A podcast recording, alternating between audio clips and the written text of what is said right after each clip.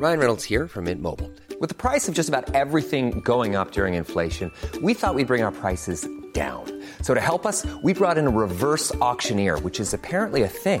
Mint Mobile unlimited premium wireless. Ready to get 30, 30, bit to get 30, bit to get 20, 20, 20, bit to get 20, 20, bit to get 15, 15, 15, 15 just 15 bucks a month. So, Give it a try at mintmobile.com slash switch. $45 upfront for three months plus taxes and fees. Promo for new customers for limited time. Unlimited more than 40 gigabytes per month. Slows. Full terms at mintmobile.com. Nu kommer attack ifrån Sugarcane Hanover som går mycket, mycket fort tycker jag. Det är så fort så jag tror att Kallit kan få svårighet att svara. Sugarcane Hanover vänder ut och in på fältet. Startbilen är i rörelse till Svenskt travderby 1987. What the horse, what the driver, nummer ett McLobell och John D. Campbell. Resultat av tredje loppet, Elitloppet SAS första försöksavdelningen. Segrare nummer sju, Marcon Lepp.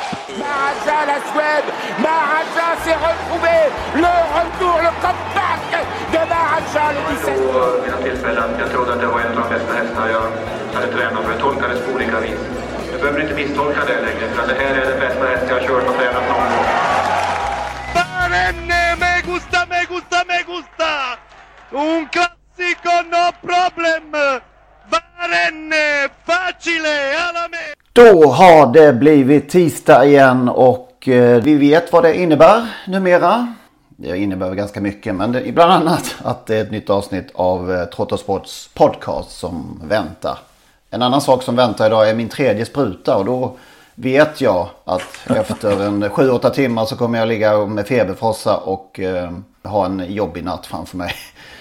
Jobbigt när man vet att man ska bli sjuk. Ja, och jag tog ju min förra veckan. Faktiskt eh, timmar innan vi spelade in förra veckan och eh, när vi, samma dag som vi kom ut alltså, det blev ju dagen efter sprutan, då jag vaknade med bomull i hela huvudet och var inte mig själv på hela dagen faktiskt. Men var ju pigg igen på onsdagen. Men det är märkligt som sagt. Hade jag inte vetat om att jag hade tagit sprutan då hade jag blivit orolig över min hälsa faktiskt. Mm. Jo, att berätta om sina drömmar det är kanske det absolut tråkigaste man kan göra. Tillsammans med att höra andra berätta om deras drömmar möjligen. Men eh, jag, jag, kanske ändå stå här för ett undantag och skäms lite det idag här. Jag vaknade nämligen kallsvettig häromnatten efter att ha upplevt det följande. Att Hugo Åbergs Memorial hade gjorts om. Mitt kanske favoritlopp, i alla fall favorittävlingsdag alla kategorier. Och det hade alltså gått då från den här traditionella, den traditionella 1609 meters tillställningen. Och mix, mixtrats om till ett lopp över 1140 meter voltstart.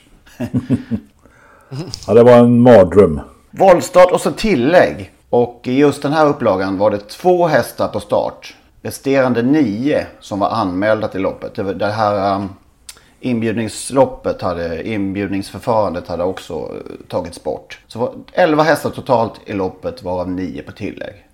Och den här drömmen inkluderade också att i ett hörn ser jag Hans G Lindskog och Bengt-Erik Professorn Larsson skrocka förnöjt och gott över hur de tydligen hade varit med och påverkat hur detta nya Åbergs hade tagit form. De fullkomligt älskade det. Vem vann? Njöt i fulla drag. Nej, jag hade hans inte med i, jag vaknade som väl var i, i, innan dess. Du vaknade av att du höll på att drunkna i svett av, ja. av den mardrömmen förstås. Ja, det var jobbigt. Det fick mig ändå att, att tänka till här. Finns det loppidéer där ute som skulle kunna vara någonting? Mycket är ju ändå ganska slentrianmässigt som det ser ut med, med våra grunddistanser och antingen bil eller voltstart. Ja, så är det ju. Det måste man ändå säga. Går det att filura ut något nytt? Något roligt? Kan det här vara någonting till att börja med? Nej, inte i Hugo Åbergs. Nej, inte i Hugo Åbergs. Men ett varvslopp med voltstart har vi alla sett. Nej. Lite kittlande kände jag. Då. Ja. Risk för omstarter.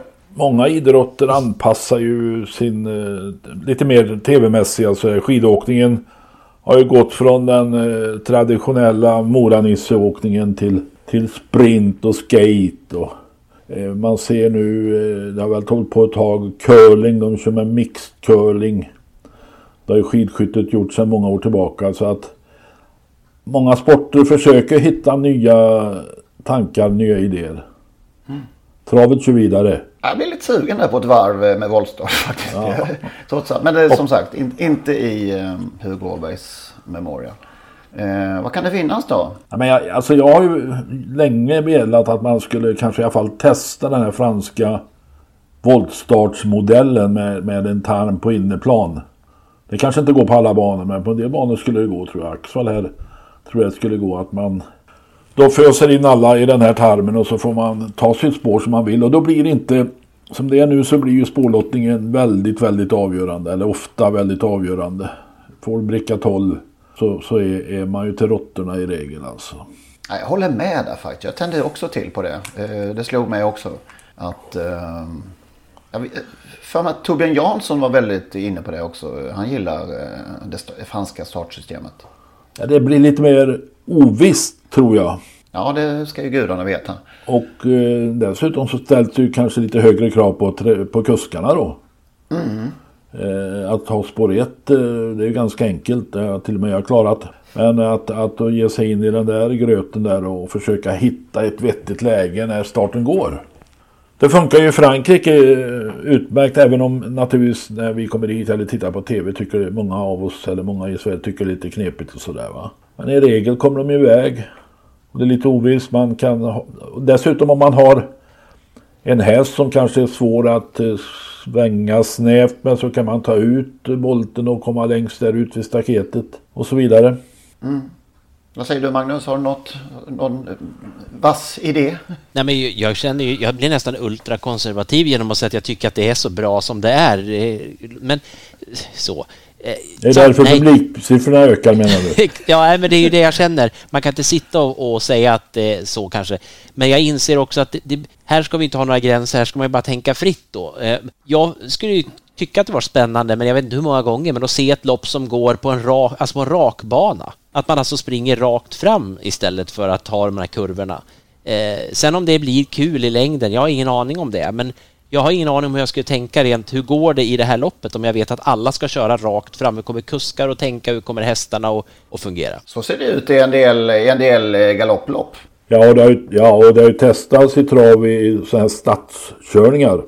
Ja, just det. Ja, men då är det ganska korta lopp ändå. Vad har det inte varit det? Korta lopp och bara två, två deltagare. Ja, så är det. Ja, ja. precis. Men Nej, jag det... tänker mer att man kör galopp, som du säger galopp, det finns ju som en i trav att motsvarande för, för I travet är det ju sällan full fräs. Det är det väl kanske inte i galoppen heller. Det är bara jag med mitt okunniga galoppöga som tycker det ser ut som de alltid bara kör järnet. Men, ja, men, de, äh, i de loppen känns det onekligen så. Men, men det, det är säkert inte. Som...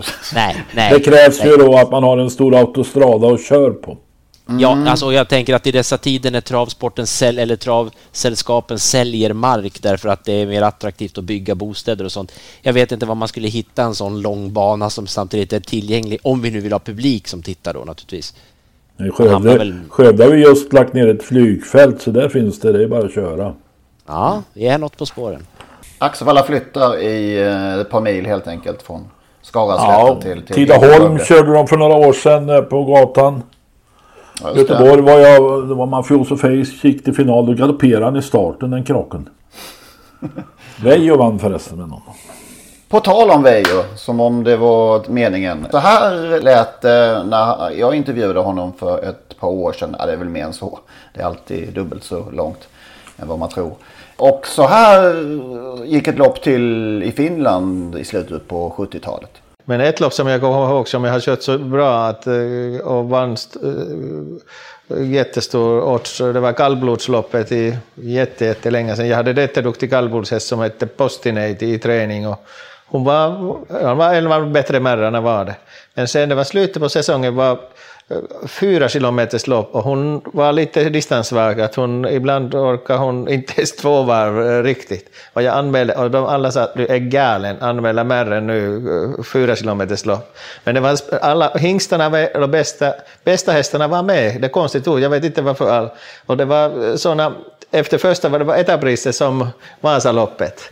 Efter varje varv, vad heter nu, fick extra pengar om man var först i mål. Och det är klart det blev speciellt eh, störning, det var jättespännande lopp. Och jag tänkte jag skiter i de här, eh, vad heter nu, eh, etappriserna. Jag hade kunnat vinna säkert två första. Men jag tänkte nu kör jag för seger. Jag körde så jämn fart, jämn fart och no, sen jag märkte i sista sväng när vi kom i sista sväng att nu är de möra när de har kört de här etapperna innan och jag blåste förbi allihopa. 38 vinnarodds. Det var storlopp den tiden att, och så han, hon slog alla bästa hingstarna med. Vilket år är det här? 78, 79 kan ja. det ha varit, eller 80, någonting sånt. Jag vet inte om jag har hört talas om etappris. Nej, men det var, jag tror inte jag hade kört före eller efter. Kan vara men det var, det var faktiskt konstigt att ingen ens har kommit på. Nej. Det var spännande lopp och så, det var så, bästa hästarna var kallblodshästarna. Att det var speciellt köra. Men jag tänkte jag håller med Karl att jag kör bara så, så jämnt som möjligt. Att, ja, det var jag imponerad min styrning. Det är det kanske bästa styrningen som jag har kört hela mitt liv. Att vinna med den hästen och den distansen och allt. Att det, ja. det var faktiskt bra gjort. Fyra kilometer och etapppris. Kan det vara någonting? Ja, varför inte? Lite eh, kittlande. Man har ju sett på de här Marska, Longa och Vasaloppet och även World Cup eh, eller världscupen så är det ju etapppriser och det finns pengar att hämta att vinna etapper. Mm. Kan man spela på etappvinnarna? Garanti, ja självklart. Ja. ja. Eh, svårt att ingå i något streckspel kanske? Ja det går ju inte naturligtvis men... Nej. Men Veijo han höll sig lugn. Han, han struntade i etappvinsterna. Ja, Veijo vill ha fler etapprislopp. Jo men han struntade i etappvinsterna. Han körde för slutsegern bara. Precis. Tänk, tänk förhandsintervjuerna i ATG Live till ett, till ett sånt lopp. Top 7 i ett sånt lopp. Ja, just på varje det. etapp. Ja. Och så blir det fyra avdelningar av det. Kombinera dem. Vem, de Just första det. sju i första etapp. Top 7 V4. I ett lopp. Så mycket spel. Ja. ja. Men det finns ju utrymme här för den kreativa och begåvade att hitta eh, någon nyhet som skulle kunna bli pang. Ja, verkligen. Och då vet vi att man skickar in till podcast.trottosport.gmail.com. Det slog mig här också att eh, när jag funderade över det. Kallblod möter varmblod. Men det finns ju redan faktiskt. Ja, har du missat detta alltså? Nej, jag har väl inte det. Men jag hade glömt bort det. Får jag erkänna. Ja, okej då. Eh, Umeåker har alltså i tre års tid kört Hot and Cold. Eh, där eh, första loppet kördes 2019. Och just det året vann ett varmblod som stod med, jag tror det var 400 meters tillägg. 2020, då var det, ja då var det 400 meters tillägg i alla fall. Då skulle varmbloden Sios, Rossi Palermo och Dante Godiva ta in eh, dessa meter då på kallbloden. Det klarade de inte av utan den gången höll ett kallblod undan. Vad heter den? Ah, ja. Jag hade inte räknat med den följdfrågan. Nej. Nej. Och i förra årets upplaga vanns av Imported from Detroit varmblod på 13 och 3 2560 meter. Ja, men det där minns jag. Det såg jag. Det var spännande. Mm. Det var ovisst ganska länge och det, sen tror jag det var två varmblod som gjorde upp om det till slut. Ja, okej, det var så. Ja. Ja, men det är inte så dum idé. En del eh, brukar väl förorda sådana här brons mot guldlopp. De ser vi inte så ofta längre. Nej. Ja. Vill vi se fler sådana? ja, kanske. Ja. Allt man som kan göra det lite mer intressant vill vi gärna se. Medan Magnus vill ha 2140 auto. Ja. Gärna Ja, precis. Ja, jag kände det. Jag, när jag tänkte på det, det här med etapplopp då, det, det, en variant på det, eller vad man kan kalla det för, det, är ju, det finns ju ändå ett förslag som har poppat upp ibland när man tycker att lopp är tråkiga, när någon kommer till ledningen och tar upp för mycket och alltså så vidare, att, att man skulle ha någon slags tider som man inte får överskrida i alla fall, att man inte får köra långsammare än vad det nu skulle vara i, ledningen första varvet. Jag, jag, jag har faktiskt ingen uppfattning om det, vad det skulle kunna göra och så, men det är ju ett sätt att liksom sätta något. Att, sen vet jag inte vad skulle hända då. Alltså det, ska man få tidstillägg då eller? Får man straffrunda om man kör för fort? Ja, de ropar, ropar ut dem som diskar bara. Ja. Men straffrunda funderar jag lite på. Ja. Köra av banan bara. Ja. Jag tror, undrar om inte det var Erik Adielsson som kom med förslaget. Har jag, vill jag minnas. Eller i alla fall har pratat om det vid något tillfälle. Ja, nej, jag vet inte. Jag, jag fick idéer om straffrundor och skidskytte om man kunde hitta någon kombination istället där kuskarna ska hoppa av och skjuta fem skott och sen får de köra vidare. Men, Ja, men där jag har vet vi inte, det. det. Då kanske vi, då är vi, då gör vi verkligen våld på den här sporten som jag ju tycker att man inte ska göra. Eh, Men eh, ska vi vara kreativa ska vi vara det. Ja, men nå- något kanske kan eh, fastna och tas vidare i någon referensgrupp eller något. Men som sagt, mejla gärna in om ni har några mm, kloka tankar kring det. Nu måste jag få säga en sak innan jag glömmer av det. Två saker till och med. Vi pratade om den här franska hästen, hingsten, förra veckan. Som bröt benet hos Stig och Johansson och som jag ja, trodde, men jag gissade på Passionant. Men det var ju Pont Caral. Yes. Och som senare blev pappa till Stigås kriterievinnare Pont Neuf. Så där. En annan sak. Ulf Eliasson på Ribbingstorp tillhör våra trogna lyssnare som alltid på tisdag morgon går i stallet. Jobbar i stallet och har då eh, podden i sina lurar. Vi pratar om hårda hästar som gjorde många starter då. Då ville han påpeka Jet Ribb. Han tävlade som treåring till tolvåring. Derbyvinnare, Åby Stora-vinnare, Olympiatravsvinnare. Han gjorde 160 starter. Han var så liten så det slet ingenting på honom. Kna, knatade runt. eh, Ja, härlig häst. Och det var Lindqvist som hörde av sig. Han hörde av sig innan jag vaknade nästan. Så att han, han kan vara... Ja, jag vet ju en som är tidigare att lyssna. Men Lindqvist kan vara nummer två. Ulf Eliasson Ja. nummer tre då. Och vi, eh, någon gång kan vi kanske avslöja vem som är nummer ett. Ja, någon gång. Någon. Och eh, denna Eliasson är en av dem som faktiskt brukar stötta oss via Swish eller Patreon. Och eh, en annan eh, heter Ulrika Österlund. Vi är väldigt tacksamma för alla bidrag vi kan få. Och både vad det gäller Swish eller Patreon. Hur gör man för att hitta hur man går tillväga, Magnus? Trottosport.nu och så bara hänger man, hänger man på. Det är bara att läsa. Läsa vad som står. Det finns en flik där i alla fall där det, som heter trott, Stötta Trottosport.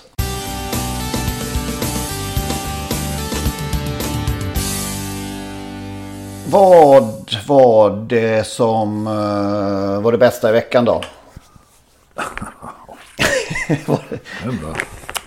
Aj, alltså jag måste ju ändå Stora säga frågor. då. Den här Hassaboko han har ju varit med så länge man kan minnas nästan. Och han, han nöter ju på va. Uh, vann ju nyligen i Bollnäs och nu vann han finalen alltså. Det är med 300 000 kronor. Och det var ungefär vad han sprang in i fjol, 361 000. Eh, efter en, ja vad ska man säga, Per Lennartsson hittade de rätta vägarna i alla fall. Och avgjorde tack vare det som man då i efterhand kan säga var en genial körning. Ja, det får man ju säga. Men det jag som ju hade det, eh, Hazard Rocco som min, min idé i veckan. Jag, jag kände att det blir ännu en gång, både för mig och för, för ägaren, ett sånt där lopp där man sitter, sitter fast i mål och får förbanna sig över, över att man hade rätt men ändå fel. Eh, det här blev ju... Han- han- det här blev så perfekt som det kunde Han bli. kunde ju runda diskolanten, inte sitta fast bakom. Så att det, Ja, nej, det var häftigt. sen gillar ju den där Collinis fina stol. Hon är ju mysig alltså. Ja, det måste man ju säga. It's a girl. It's a girl som är ju oerhört välstammad. Mm.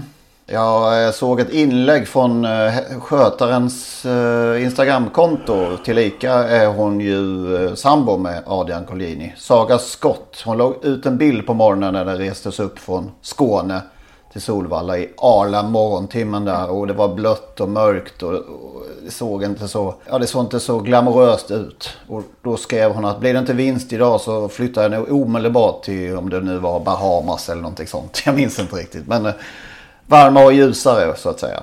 Men det gick ju vägen. Lite blyg, lite osäker på sig själv. Sådana hästar och individer gillar jag. Det var ju så um, Joakim Lövgren beskrev Piemonte efter segern. Ja. Tyckte jag var lite gulligt. Blir han eh, mer säker på sig själv så kanske det kan bära långt till slut. Oh, ja. Ja, det, ser, Yes. det, det är en talang utöver det vanliga. Det som jo, Joakim sa där att, att han visste att han hade bästa hästen och körde därefter och det såg man ju också. Och det där, jag tror jag har tagit upp det förut. Det måste vara en väldigt speciell och, och häftig känsla att veta att man har en sån där häst som att man nästan kan köra hur som helst men att det Ja, det är, det är häftigt att se att han, han åkte bara fram, satt där han satt, tog det lugnt och så bara såg han till att vinna. Sen ska man ju säga det att hästen är ju som den är. Det var ju inte jättelångt ifrån att han hade stannat till och, och börjat galoppera där. Det var, det var några meter där på upploppet. Det var hjärtat i halsgropen, men, men eh, han tog ju fatt igen och vann ju. Kan det vara den nya Brioni? Eller i alla fall en stjärna. Ja, det är en lång väg att gå för att komma upp till Brionis Så är det meriter. Ja. Ja, det är just att han är som, är, som han är. Han är ju, vad är det, han gjort 15, 15-16 starter va?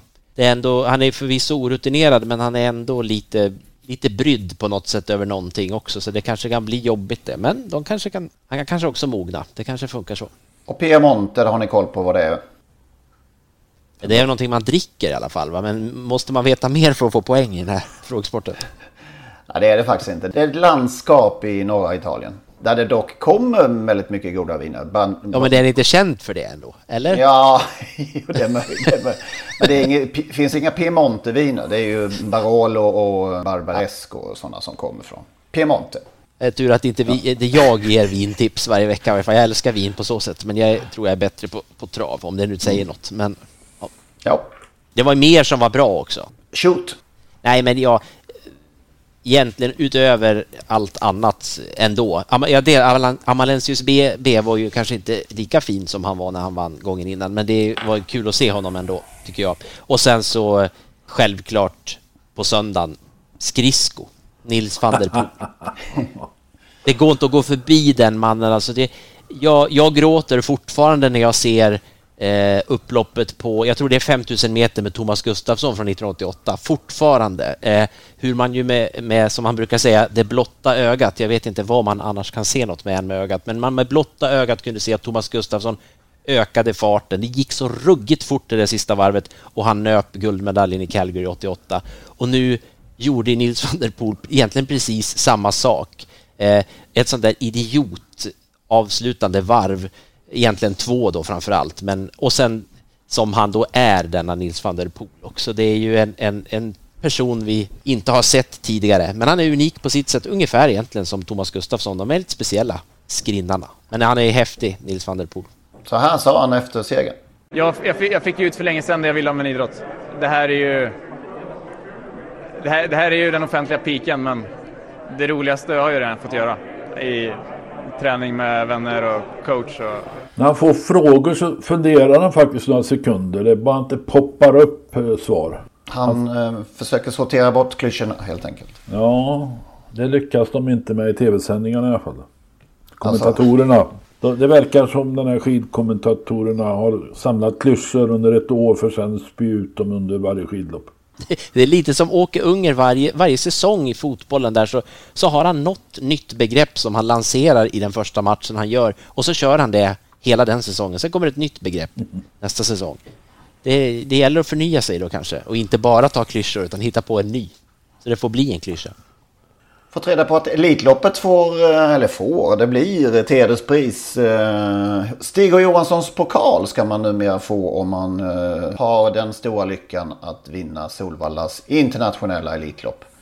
Detta offentliggjordes förra veckan, ungefär en månad efter att vi i ett specialavsnitt hyllat Stig. och- Men det är nog bara en slump. Ja. Ja, för, förmodligen. Nej, Men det- ändå väldigt vi- Vi har fint, pratat om väldigt det bra. många gånger tidigare att man ska hylla de här hjältarna, eh, legendarerna, under tiden de lever, inte när de är döda och begravda. Mm, ja, utmärkt initiativ såklart. Den eh, sexfaldige Elitloppsvinnaren som han är va? Den, och den, intervju som, den korta intervju som visades med Stig och när den här nyheten presenterades, det var... Han kunde inte dölja att han var ganska stolt över det, med all rätt naturligtvis. Och han ska ju överlämna det personligen, priset också. Så att eh, det är som Lennart säger. Man ska passa på. Fullsatta läktare som det också kommer att bli i år. Det med största säkerheten då får vi säga det. Och Stig som prisutdelare. Det blir ju... Kan inte han öppna grindarna 7.30 också på, på, på, på morgonen? det Komma vore något det. Ja, Det vore något. det är han som, som liksom... eh, Kommer det 10 000 redan 07.30? Står med nyckeln. Det här kostar ingenting det här tipset Solvalla. Stig och öppna grindar, det är ju fullständigt lysande. Kom du på det nu? Ja, faktiskt. Jag tar inget betalt för detta. Sen har Robert Berg knatat hem sin 5000 seger. Under veckan också va? Så jag tänkte på det. Så 5000 segrar, som tränarsegrar alltså, pratar vi om. 5000 segrar, då ska du vinna 100 segrar om året i 50 år. Det är bra. Och han har inte hållit på 50 år, så kan vi säga. Nej, han har vunnit mer än 100. Alltså, men 5000, ja, det, det är en siffra. Men om man tänker 50, 100 segrar i 50 år i rad. Mm. Den fjärde i Sverige, va? Då har man satt sig upp i en träningssulky några gånger i alla fall. Så kan man uttrycka det. Och det är en fin kvartett det där. Stig och Olle Goop, eh, Åke Svanstedt och Robert Berg. Vad har vi för berg, starka berg i minnen? Ja, de är ju många förstås. Ja, de är för många kom man på när man försökte leta lite efter det i huvudet. Alltså jag, jag skulle vilja säga en tvåa som jag minns. Han har 5000 segrar och du drar fram en andra plats. Jag, jag kan försvara mig lite eller förklara lite att i den här tvåan fanns också en etta. Det låter som en ledtråd På spåret. ja, det är precis. Bergsåker gissar jag på då. Nej. The Hamiltonian 2007 där han vann försöket med Adrian Chip och sen var tvåa i finalen. Eh, Hästen hade ju kommit till Sverige som, och gjort några starter som treåring. Vunnit eh, fyra av fem. Blev faktiskt tvåa i, i treåringseliten på Solvalla Artistic Åsan. Och så vann han, eh, gick han via Norge till eh, Jarlsbergs Grand Prix till Hemletonien. Den som sagt var, vann försöket. Och sen i finalen tog han ledningen Berg, släppte till Donate och Hanover. Och eh, försökte att utmana över upploppet men Donate och Hanover var ju eh, oslagbar. Men han var ganska nära i mål och de här två var så oerhört överlägsna de övriga i det där loppet. Så det, ja, som sagt en etta och en tvåa i samma lopp då. Mm. Sen blev han ju pappa till Diamanten, icke att förglömma, som började med en massa raka. Sju stycken tror jag. Vann nio av tio första. Ja, det var en härlig häst. Han blev väl aldrig, förmodligen aldrig närmare än Hamiltonien får man. Men alltså det är ju att Ana. åka över med en svensktränande häst, det vet vi ju är så svårt. Eh, Tarzan lyckades ju med Scarlet Knight och Birger Widell eh, gjorde ju ett försök med Shatterway en gång i tiden som blev trea. Och så Berg åkte över med Adrian Chip och blev tvåa. Magnus? Ja, jag minns eh, ett av de här eh, svenskt travderbyloppen som, som han har vunnit med galopp. Jag minns det som han vann med Remington Crown där. Eh, det var precis i vevan, eller den helgen hade jag hållit på att flytta hela helgen. Eh, och eh, hade faktiskt som mål att, jag sa det till, till min pappa då, vi måste vara klara till, senast till derbyt när det visas. Jag minns inte om det här var direktsändning, det kanske inte var, det kanske eftersändes 99 sånt där, men i alla fall, jag måste vara klar till den sändningen så att jag får se det loppet och det var precis att jag var det. Eh, och så felade Remington Crown, det var ju lite han jag ville se. Eh, men så kom han ju där till slut mellan hästar och vann ändå. Och eh, det var ju någonting som då Robert Berg tyckte var så kul så han gjorde det likadant igen sen. Några år senare. 1997 Men det ju- var det här va? Ja, 1997. Han, hade, han var ju bara tvåa i eh, uttagningsloppet. Han fick stryk faktiskt av Stig och Johansson med Gossip som hade galopperat. Så att då såg vi väl att ska jag vinna, om jag torskar uttagningen när jag kör felfritt får jag köra galopp då, för det gjorde Stig H. Så gjorde han det och vann. Det var liksom lite också... För första riktiga storsegern kom ju året innan med samma häst till Remington Crown i kriteriet då. Så då, då, man kände då kanske lite grann att det är ingen dagslända där. Han hade ju visat mycket innan dess också. Men då att han... Det här skulle nog kunna hålla på ett tag. Framgångarna kommer nog att fortsätta genom karriären. Jag får nog säga när har i Gävle, ja, tror jag faktiskt. Det som ju inte jag i alla fall trodde skulle kunna vara möjligt att den lufsen skulle kunna bli en riktig sprinter. I Elitloppet en vecka senare då hade han väl lite kanske flyt med att förutsättningarna blev som de var. Men han visade ju i det där Gävleloppet att han faktiskt också var en, ja, chockade mig i alla fall att han kunde bete sig på det sättet. Denna mer stejebetonade travare som han tyckte innan.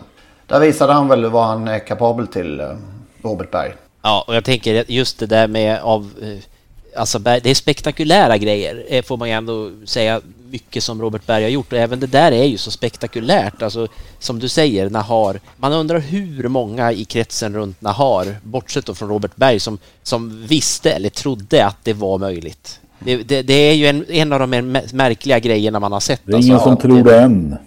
Nej, det är, lite, det är lite så att det har kanske inte hänt. Det Nej. är inte sannolikt. Nej. Så att, ja, och så vidare. Nej, det är, han har mycket sånt i, i den, bland de här 5000 segrarna och det ska vi vara väldigt tacksamma för för att han har ju satt färg på, på det. På det hela. På tal om att sätta färg och, och eh, ja, komma med udda lösningar. Han kuppade ju lite sig till ledningen i, i derbyt också 2003 kanske. Sardan vann. Eh, Det var ju lite rallarkörning där och, och, och rätt som det kom Berg förande om jag minns det rätt. Och eh, vann ju loppet på det antar jag. Så att räven bakom örat som det alltid har hetat. Har han ju alltid haft. Bert Johansson sa man ju samma sak om. Han har en räv bakom varje öra. Sen måste vi uppmärksamma en annan sak. eh, Och det är vad Thomas Malmqvist då håller på med i Frankrike möjligen. Ja, vad han håller på med. Han har ju osannolika framgångar höll jag på att säga. Ja. Men alltså, han går lite under radarn den där Malmqvist. I fjol blev han sexa i tränarligan när det gäller inkörda pengar i Sverige med sina 17 miljoner. Alltså han slog Svante Båth, han slog Per Nordström, han slog Johan Unterstein, han slog Peter Unterstein. Är det inte fantastiskt? Han är en dold, det, det är faktiskt, han är en doldis. När du sa det där så, det hade jag ingen koll på. Det erkänner jag ju. Och vem leder i år? Vem har kört in mest pengar av alla svenska tränare i år? Thomas Malmqvist, 3,3 miljoner. Eh, han har ju sina stora framgångar i Frankrike och det, där är ju lite märkligt också alltså. Utav de svenskar som delar sin tid på något sätt mellan Frankrike och, och, och Sverige. Eh, det är, Björn Goop vart, har vi ju eh, vana vid stora framgångar. Jörgen Westholm. I år har det gått Ja, I år hela vintern har det gått eh, ganska risigt för de här två. Framförallt för Björn Goop. Jag kan, alltså han har inte vunnit en tränarseger på Vincennes på över ett år. Och Malmqvist han, han tuffar på. Han har ju en lysande häst i Jesse Perrin. Treåringen som har gjort nio starter och vunnit fyra. Under januari vann Prix Rocopin och Prix Chelinot. Det är två gamla Elitloppsvinnare va? Rocopin och Chelinot med eh, 550 000 i första pris varje gång. Och den här tillhör Frankrikes bästa treåringar och ska uppenbart gå ut i eh, treåringskriteriet lite tidigare nu på våren här. För att möta hingstarna. Så att, eh, ja, som sagt. Han går, har gått under radarn. Han har ju en del ganska enkelstammade hästar. Empire, eh, den gamla danske derbyvinnaren är det väl. Och några till sådana där som gör det fantastiskt bra. Alltså.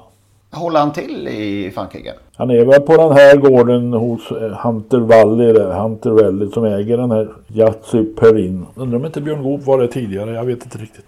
Är det i Normandie det eller? Ja. Ja, vi får hålla bättre koll på Thomas Malmqvist uppenbart. Ja, vi följer honom med stort intresse.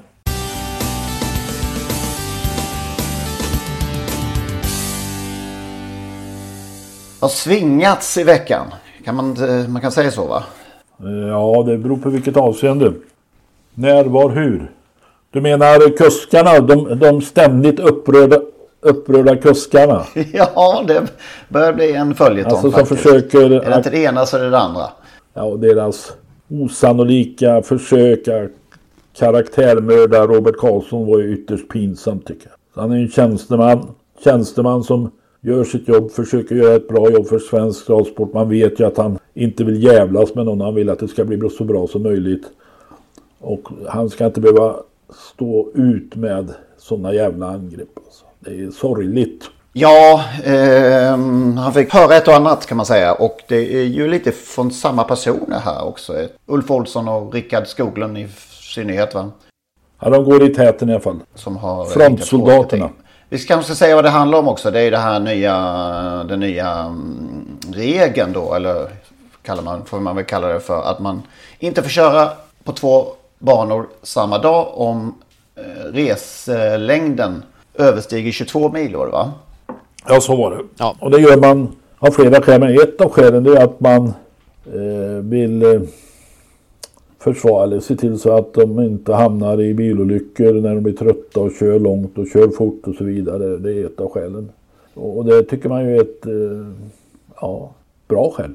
Jag blev ju så, när det här kom, jag blev ju väldigt positivt överraskad. Jag har ju pratat, skrivit lite om det här eh, på senare år, att jag tycker att det är väldigt märkligt att när man, när man sitter och räknar och kan se att hur otroligt tajt schema det måste vara för dem att hinna. Nu säger de ju själva att det inte är så tajt, men om man bara med hjälp av, av eh, Google och resplaner och eh, tider tittar, det står ju vilka tider lopp går och så vidare, så går det ju att räkna ut att det är klart att de måste ha det ruggigt tajt eh, för att hinna på de här tiderna som är som är utsatta. Så att jag har I synnerhet om de ska följa reglementet som finns där det står att man måste infinna sig på den aktuella banan en viss tid före första start. Ja precis och du ska vara, dessutom då vara kvar efter det sista loppet du har kört så att du ska vara tillgänglig för domarna om det är något också. Så att det, det finns ju tid som skjuter över åt båda hållen där och, och, eh, och det, då har det varit uppenbart att för att hinna så är man tvungen att köra för fort. Eh, och då kan man ju tycka då naturligtvis, om man vill det, att in, som man säger att Robert Karlsson ska inte vara en trafikpolis och inte ST heller.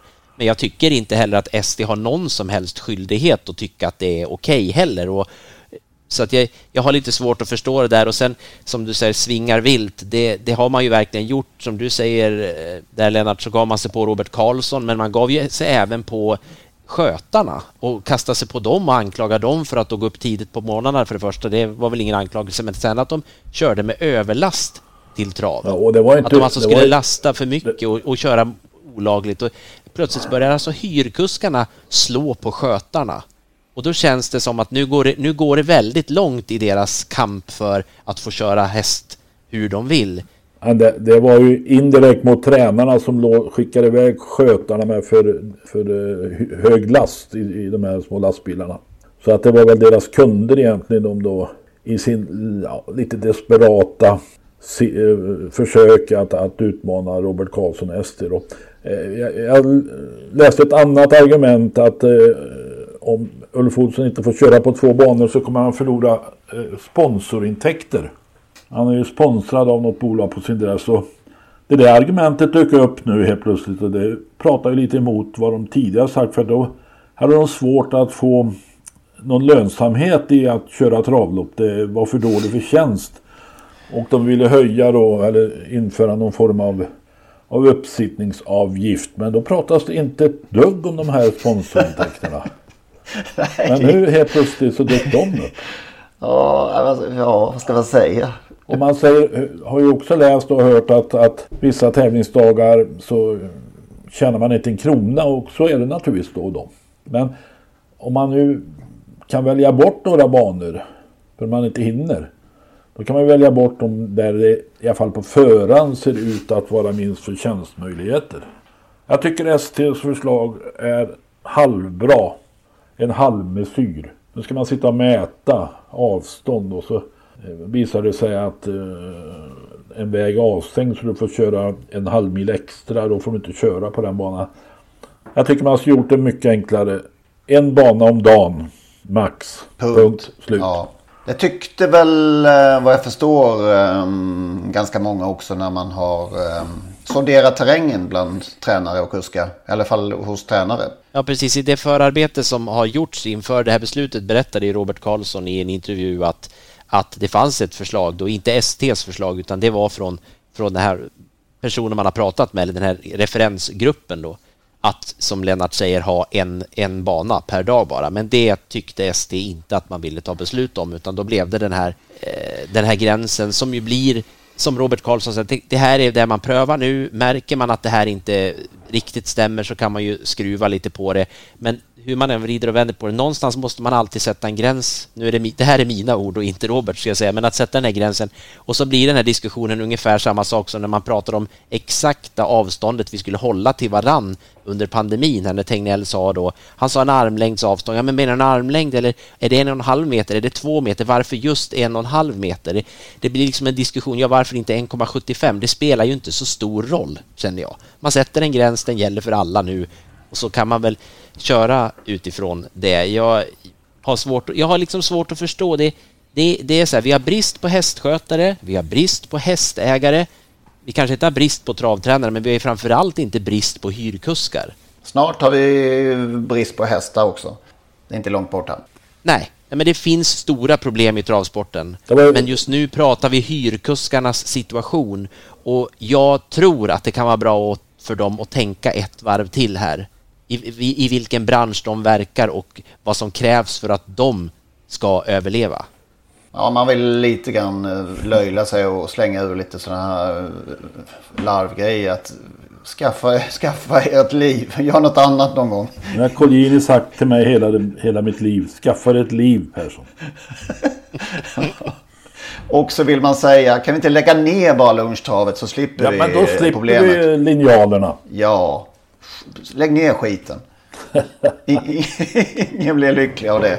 Jo, ATG får väl in eh, sina pengar där. Men, eh, det är väl inte lika viktigt som under den tid som det infördes. För då var det ju som ett mot, motgrepp mot eh, de här hundkapplöpningarna som verkade ja, vilja ta över eh, en del av eh, kapplöpningspengarna. Och visst körde man väl, alltså det här börjar ju bli länge sedan, men visst körde man väl bara ett lopp? Ett lopp var det först, ett Ja. triolopp. Och sen var det väl två lopp efter det och sen blev det till slut V4 och sen hel tävlingsdag innan det var, innan det var färdigt.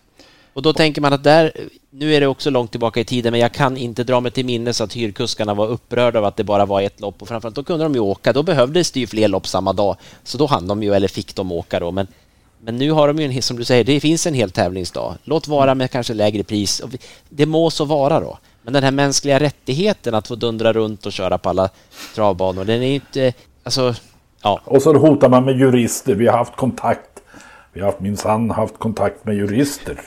Och alltså alla idrotter har regler och skapar sina regler för att det ska gå så bra till som möjligt. Och då får jurister säga vad fan de vill och jag tror inte det finns många jurister heller som, som, som de kan få något stöd ifrån faktiskt. Det, det, det är någon jurist som har uttalat sig och han var väl väldigt tveksam till att, att säga att det här inte skulle vara okej. Det som är skidskytte. Varför får jag inte starta i, i mm, jaktstarten som blev 61? Varför är det bara 60 som får starta? Han är kränkt, eller de blir kränkta. Ja, det var någon eh, kusk som sa att de, de känner sig kränkta. Jajamän. Jo, jo. Klart. De, de, kränker, de kränker oss. Eh, Och jag... Ja. Det, Ja, det är beklagligt. Hela skiten är beklaglig tycker jag. Man, man, man, man ser inte perspektiven på rätt. Nej, jag tycker att argument, ja, jag, bara just det här argumentet som har kommit från lite olika håll är just att vi är enskilda företagare och borde få sköta det som vi vill utan svensk travsports inblandning. Jag, när, ska, tänk om alla skulle börja resonera på det sättet i lite andra sammanhang. Det finns ju många grejer SD skulle man säger, ta bort de där reglerna SD, för jag är enskild företagare. Som hästägare vill jag kunna göra si och så och som tränare vill jag kunna göra si och så. Det är klart att det måste finnas regler. Det är ju inget konstigt. Ja, man blir less. Jag tror inte de har något vidare stöd i den stora travmassan. Eller? Det vore ytterst märkligt. Det finns säkert de som håller på, på kuskarna här och så, eh, men jag tror inte som sagt att det är... Jag tror att det är... Hästskötare har fler supportrar när det gäller deras situation än, än hyrkuskarna har runt sin. Det är ju dags för Prix de France-upplaga på söndag. Ja. Och eh, vem var den svenska, första svenska vinnaren i loppet? Det vet vi ju. Atas Fighter L. Ja. Och honom minns vi ju med stor vördnad. Vi kan väl lyssna på ett par höjdpunkter här.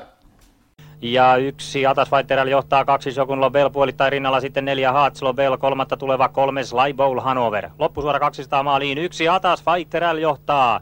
Atas Fighterell on kärjessä rinnalla kipua kaksi Shogun Lobel voittokamppailuun. 50 maaliin Atas Fighterell, Shogun Lobel aivan rintarinnan kolmanneksi nousee Sly Bowl Hanover. Maalissa yksi Atas Fighterell. Starten har gått i svenskt eh, travderby 1989. Det är en våldsam start av nummer ett Peace on Earth och nummer två Atas Fighter L eh, som tredje nummer fyra Traffic Jam. Men det är nummer två Atas Fighter L till ledning. Har nummer ett Peace on Earth i rygg. Som, så galopperar nummer ett Pison, upp. Det är nummer två Atas Fighter L i ledning följd av nummer fyra Traffic Jam. När vi svänger in mot upploppet i Svenskt Travderby 1989 är det nummer två Atas Fighter L och nummer sex Frein Arland som kämpar upploppet ner. Nummer två Atas Fighter invändigt utvändigt är det nummer sex Frein Arland. Sida vid sida kämpar de upploppet ner. Nummer två Atas Fighter Men det är nummer sex Frein Arland och det kommer att bli mycket hårt på linjen.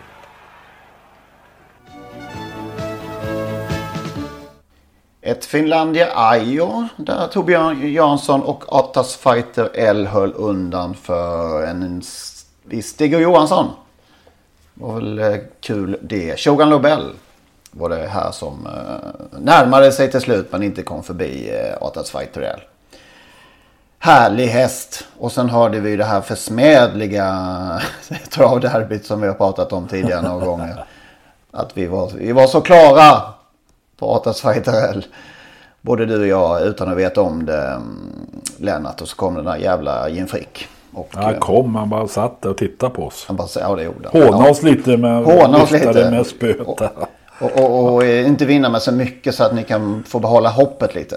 Så, ja. ja, det var fint att han fick vinna såklart den dagen. Men Atas Fighter L började karriären hos Tommy Hané. Ja, vann kungapokalen väl för Tommy. Mm, så var det väl. Två i derbyt som du sa. hade ju eh, bara bra resultat nästan. Jag vet inte varför orsaken till att han flyttades. Ja, såldes han inte där då till Så kanske det det var. här andelsstallet i Örebro? va? Ja, ah, okej det var så det var. Ja, jag är osäker där. Men vi, vi får svaret imorgon bitti. För Link, Mm. Han gick ju till Linkvist då, ja, två i derby med Linkvist och vann Solvalla Grand Prix. Och europeiskt femåringschampionat vann väl han för Anders Lindqvist också. Finlandiajo hörde vi ju, nationernas pris. VM-loppet på Roosevelt. Prix de France. Torbjörn Jansson.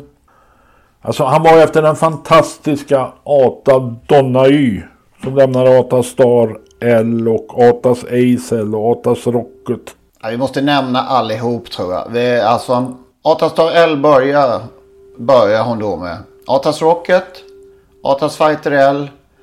Sen miss, totalmisslyckandet. Uh, Atas Ideal L som inte kom till start ens. Den var väl efter Ideal Gasol ju. Exakt. Förlåt Lillis. Ehm, Atas Joker L. Också lite halvmisslyckat efter Sunday Bowl 87 000. Eh, Lillis igen. Lillis igen. Ja. Atas Hero L 752 000. Då var det till bur. Nu är det ordning på torpet. Sen kommer Atas Sweet L 336 000.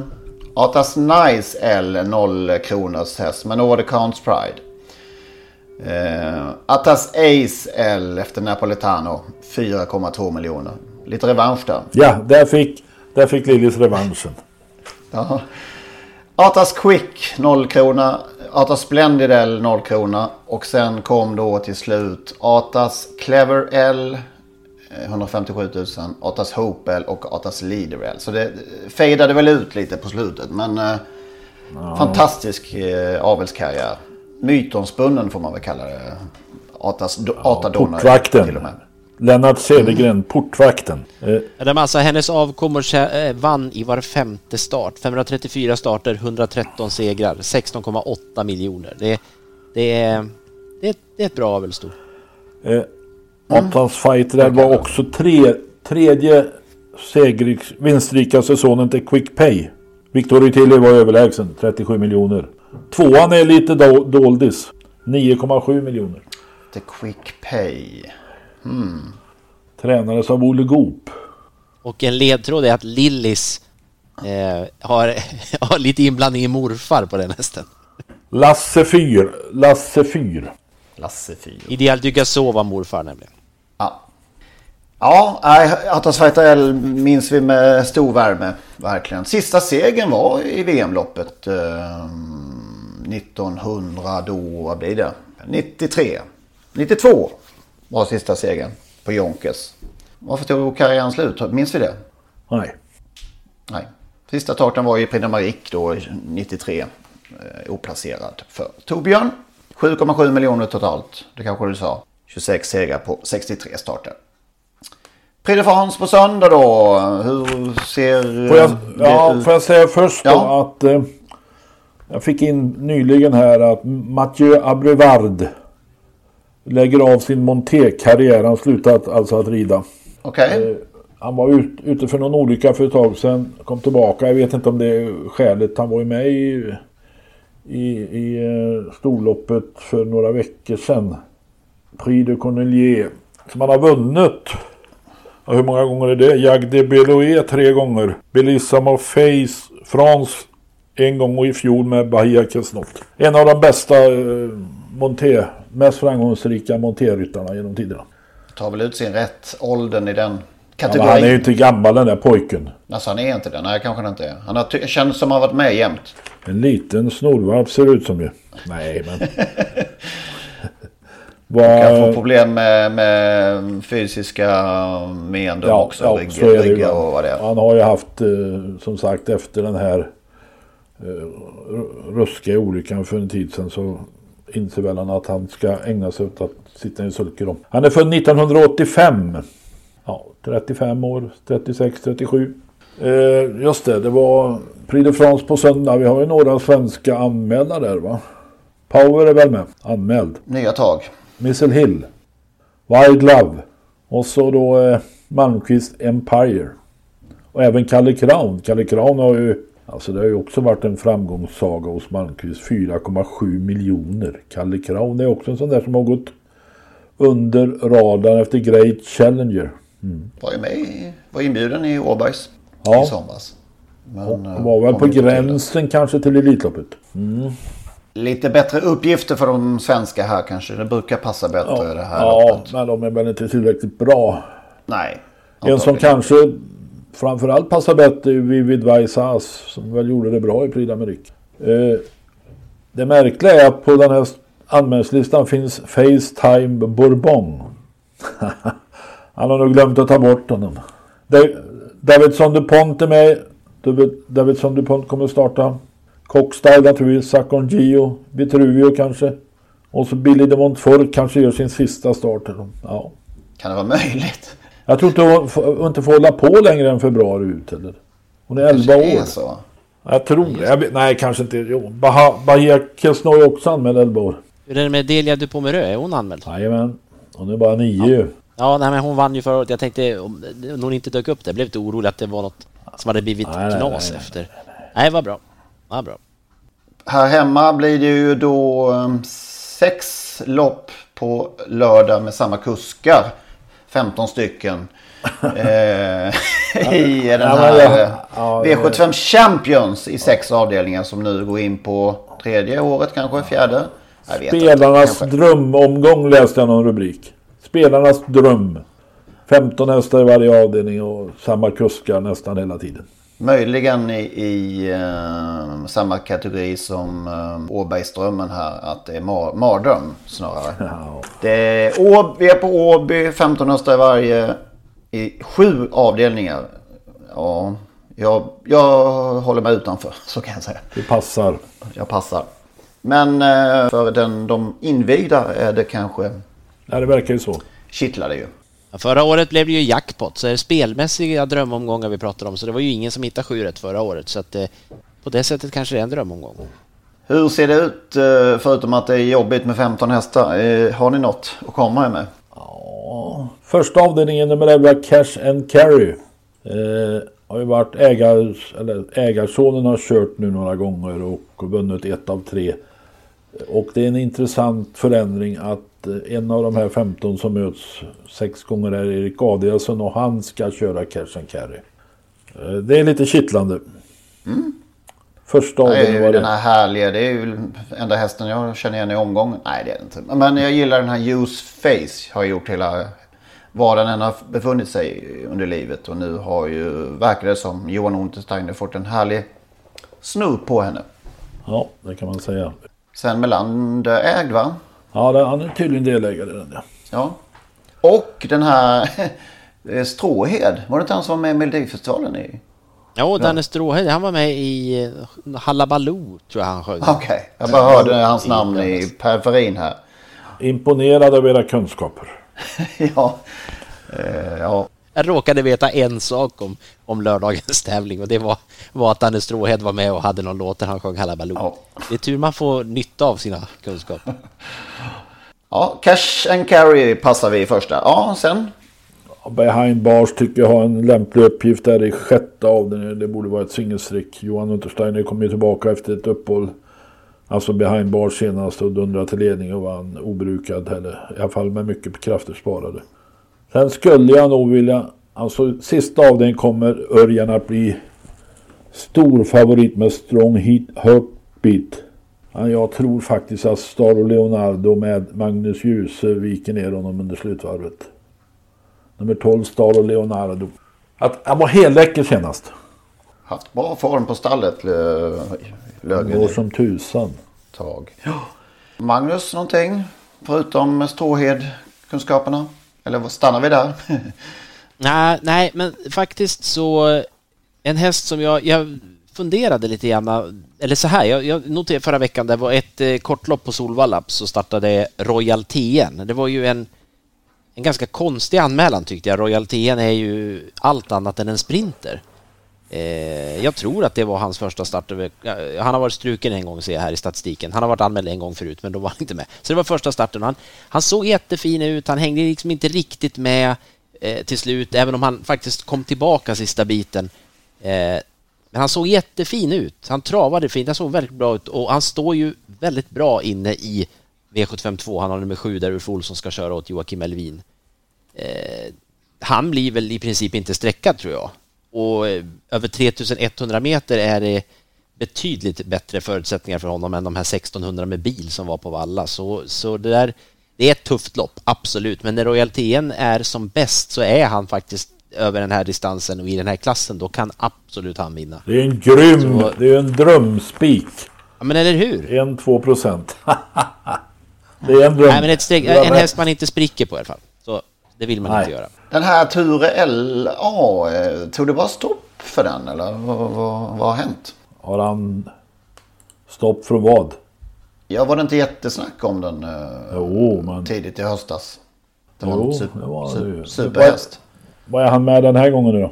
V753 nummer 10. Spår 3 på tillägg där. Han svek väl där i på uh, Axvalla där. eh, ja, det var inte på Axvalla, det var på Halmstad. Varför står det Axvall i, i, i raden där, alltså resultatraden? Kan de förklara det för mig? I mitt program står det Halmstad. Ja, tittar man på ATG.se så står det Axvalla. Okej, de måste väl, ja spelmässigt, ja vad konstigt. Nej, men det sa man ju innan att det ska stå eh, då för spelets skull, men efteråt ska man korrigera det. Det är konstigt att det är olika uppgifter på... Ja, den är ju... Jag har laddat ner konstigt. um, startlistorna från Svensk Travsport. Alltså det som väl kommer i barnprogrammet sen. Ja, man tittar på ATG.se. Det är ju jättekonstigt. Och sen var jag ute igen och ja, nej, den där har svårt att övertyga tycker jag. Yes. Han satt ju fast, eh, han satt ju fast senast bakom, eh, inte bakom Am- Amalensius BB för han drog ju bara undan men, men eh, han hade en häst till framför sig där så han fick inte riktigt chansen. Så. Men det där måste de ändra på ATG.se. Otroligt märkligt. Vi uppmärksammar dock att eh, till vissa storlopp nu i Frankrike så skriver de in manuellt vad loppen heter. Om de är ja, Prix d'Amérique till exempel. Och Prix de- Ja men har du, hittat, har du hittat fler än Prix d'Amérique? För nu i helgen igen var det... Luxemburg var ju till exempel inskrivet. Ja okej. För nu i helgen tror jag inte det var något. Nej, det måste vara något riktigt Igen, att- ordentligt. Ja det, det måste vara något ordentligt ja, precis. Eh, Helen Ann Johanssons lopp, det var ju inte namngivet i alla fall. Och glöm nu inte och eh, kom in med era galna, roliga eller sunda loppidéer. Vad vill ni se på banorna? Något nytt? Eller vilken startmetod? Eller håller ni med oss om eh, att vi vill ha fransk voltstart och så vidare? Så kan vi väl ta upp det nästa vecka helt enkelt. Jag har fått en idé under, under vår inspelning. Sådär ja, ja. Ja, jag funderar på jaktstart. Ja. Elitloppet med jaktstart. Att hit ett och sen får de starta i intervall utifrån när de kom i mål i första. Vad tror ni om det? Vad, vad kul Eh, det skulle vara. Eh, alltså, får de välja spår Tidsmässigt då? alltså? Ja, nej, ja, de, alla får väl starta närmast sargen då, men de, de ska starta med avstånd. Det här blir oerhört svårt att genomföra praktiskt, men vadå, vi får ju tänka fritt här. Ja, ja. Det, lö, det lönar det sig att vinna som Bold Eagle till exempel, hans Ja, makalösa försökslopp. Det hade ju kunnat bli, ja i och för sig att han gick i de där spåren hade han ju ingen nytta av egentligen då. Det gäller ju att vinna överlägset så man har lite försprång i, i andra loppet där då. Ja, det är en helt annan dimension till försöken, så kan man ju säga. Ja, skulle, det, är ändå kittlande att tänka hur man lägger upp det taktiskt. Har ni bättre idéer än Magnus Ståhlberg så kom, kom in med dem till eh, podcast.totosport.gmail.com Så hörs vi om en vecka va? Absolut. Ja, jag vet inte, får jag, vara- får jag vara med nästa vecka? Vi får se, vi ska överlägga. Jag tror lite på jaktstart. Jag ska fundera på detta. Tack Ha det Lennart. gott. Hej hej hej. Hej då.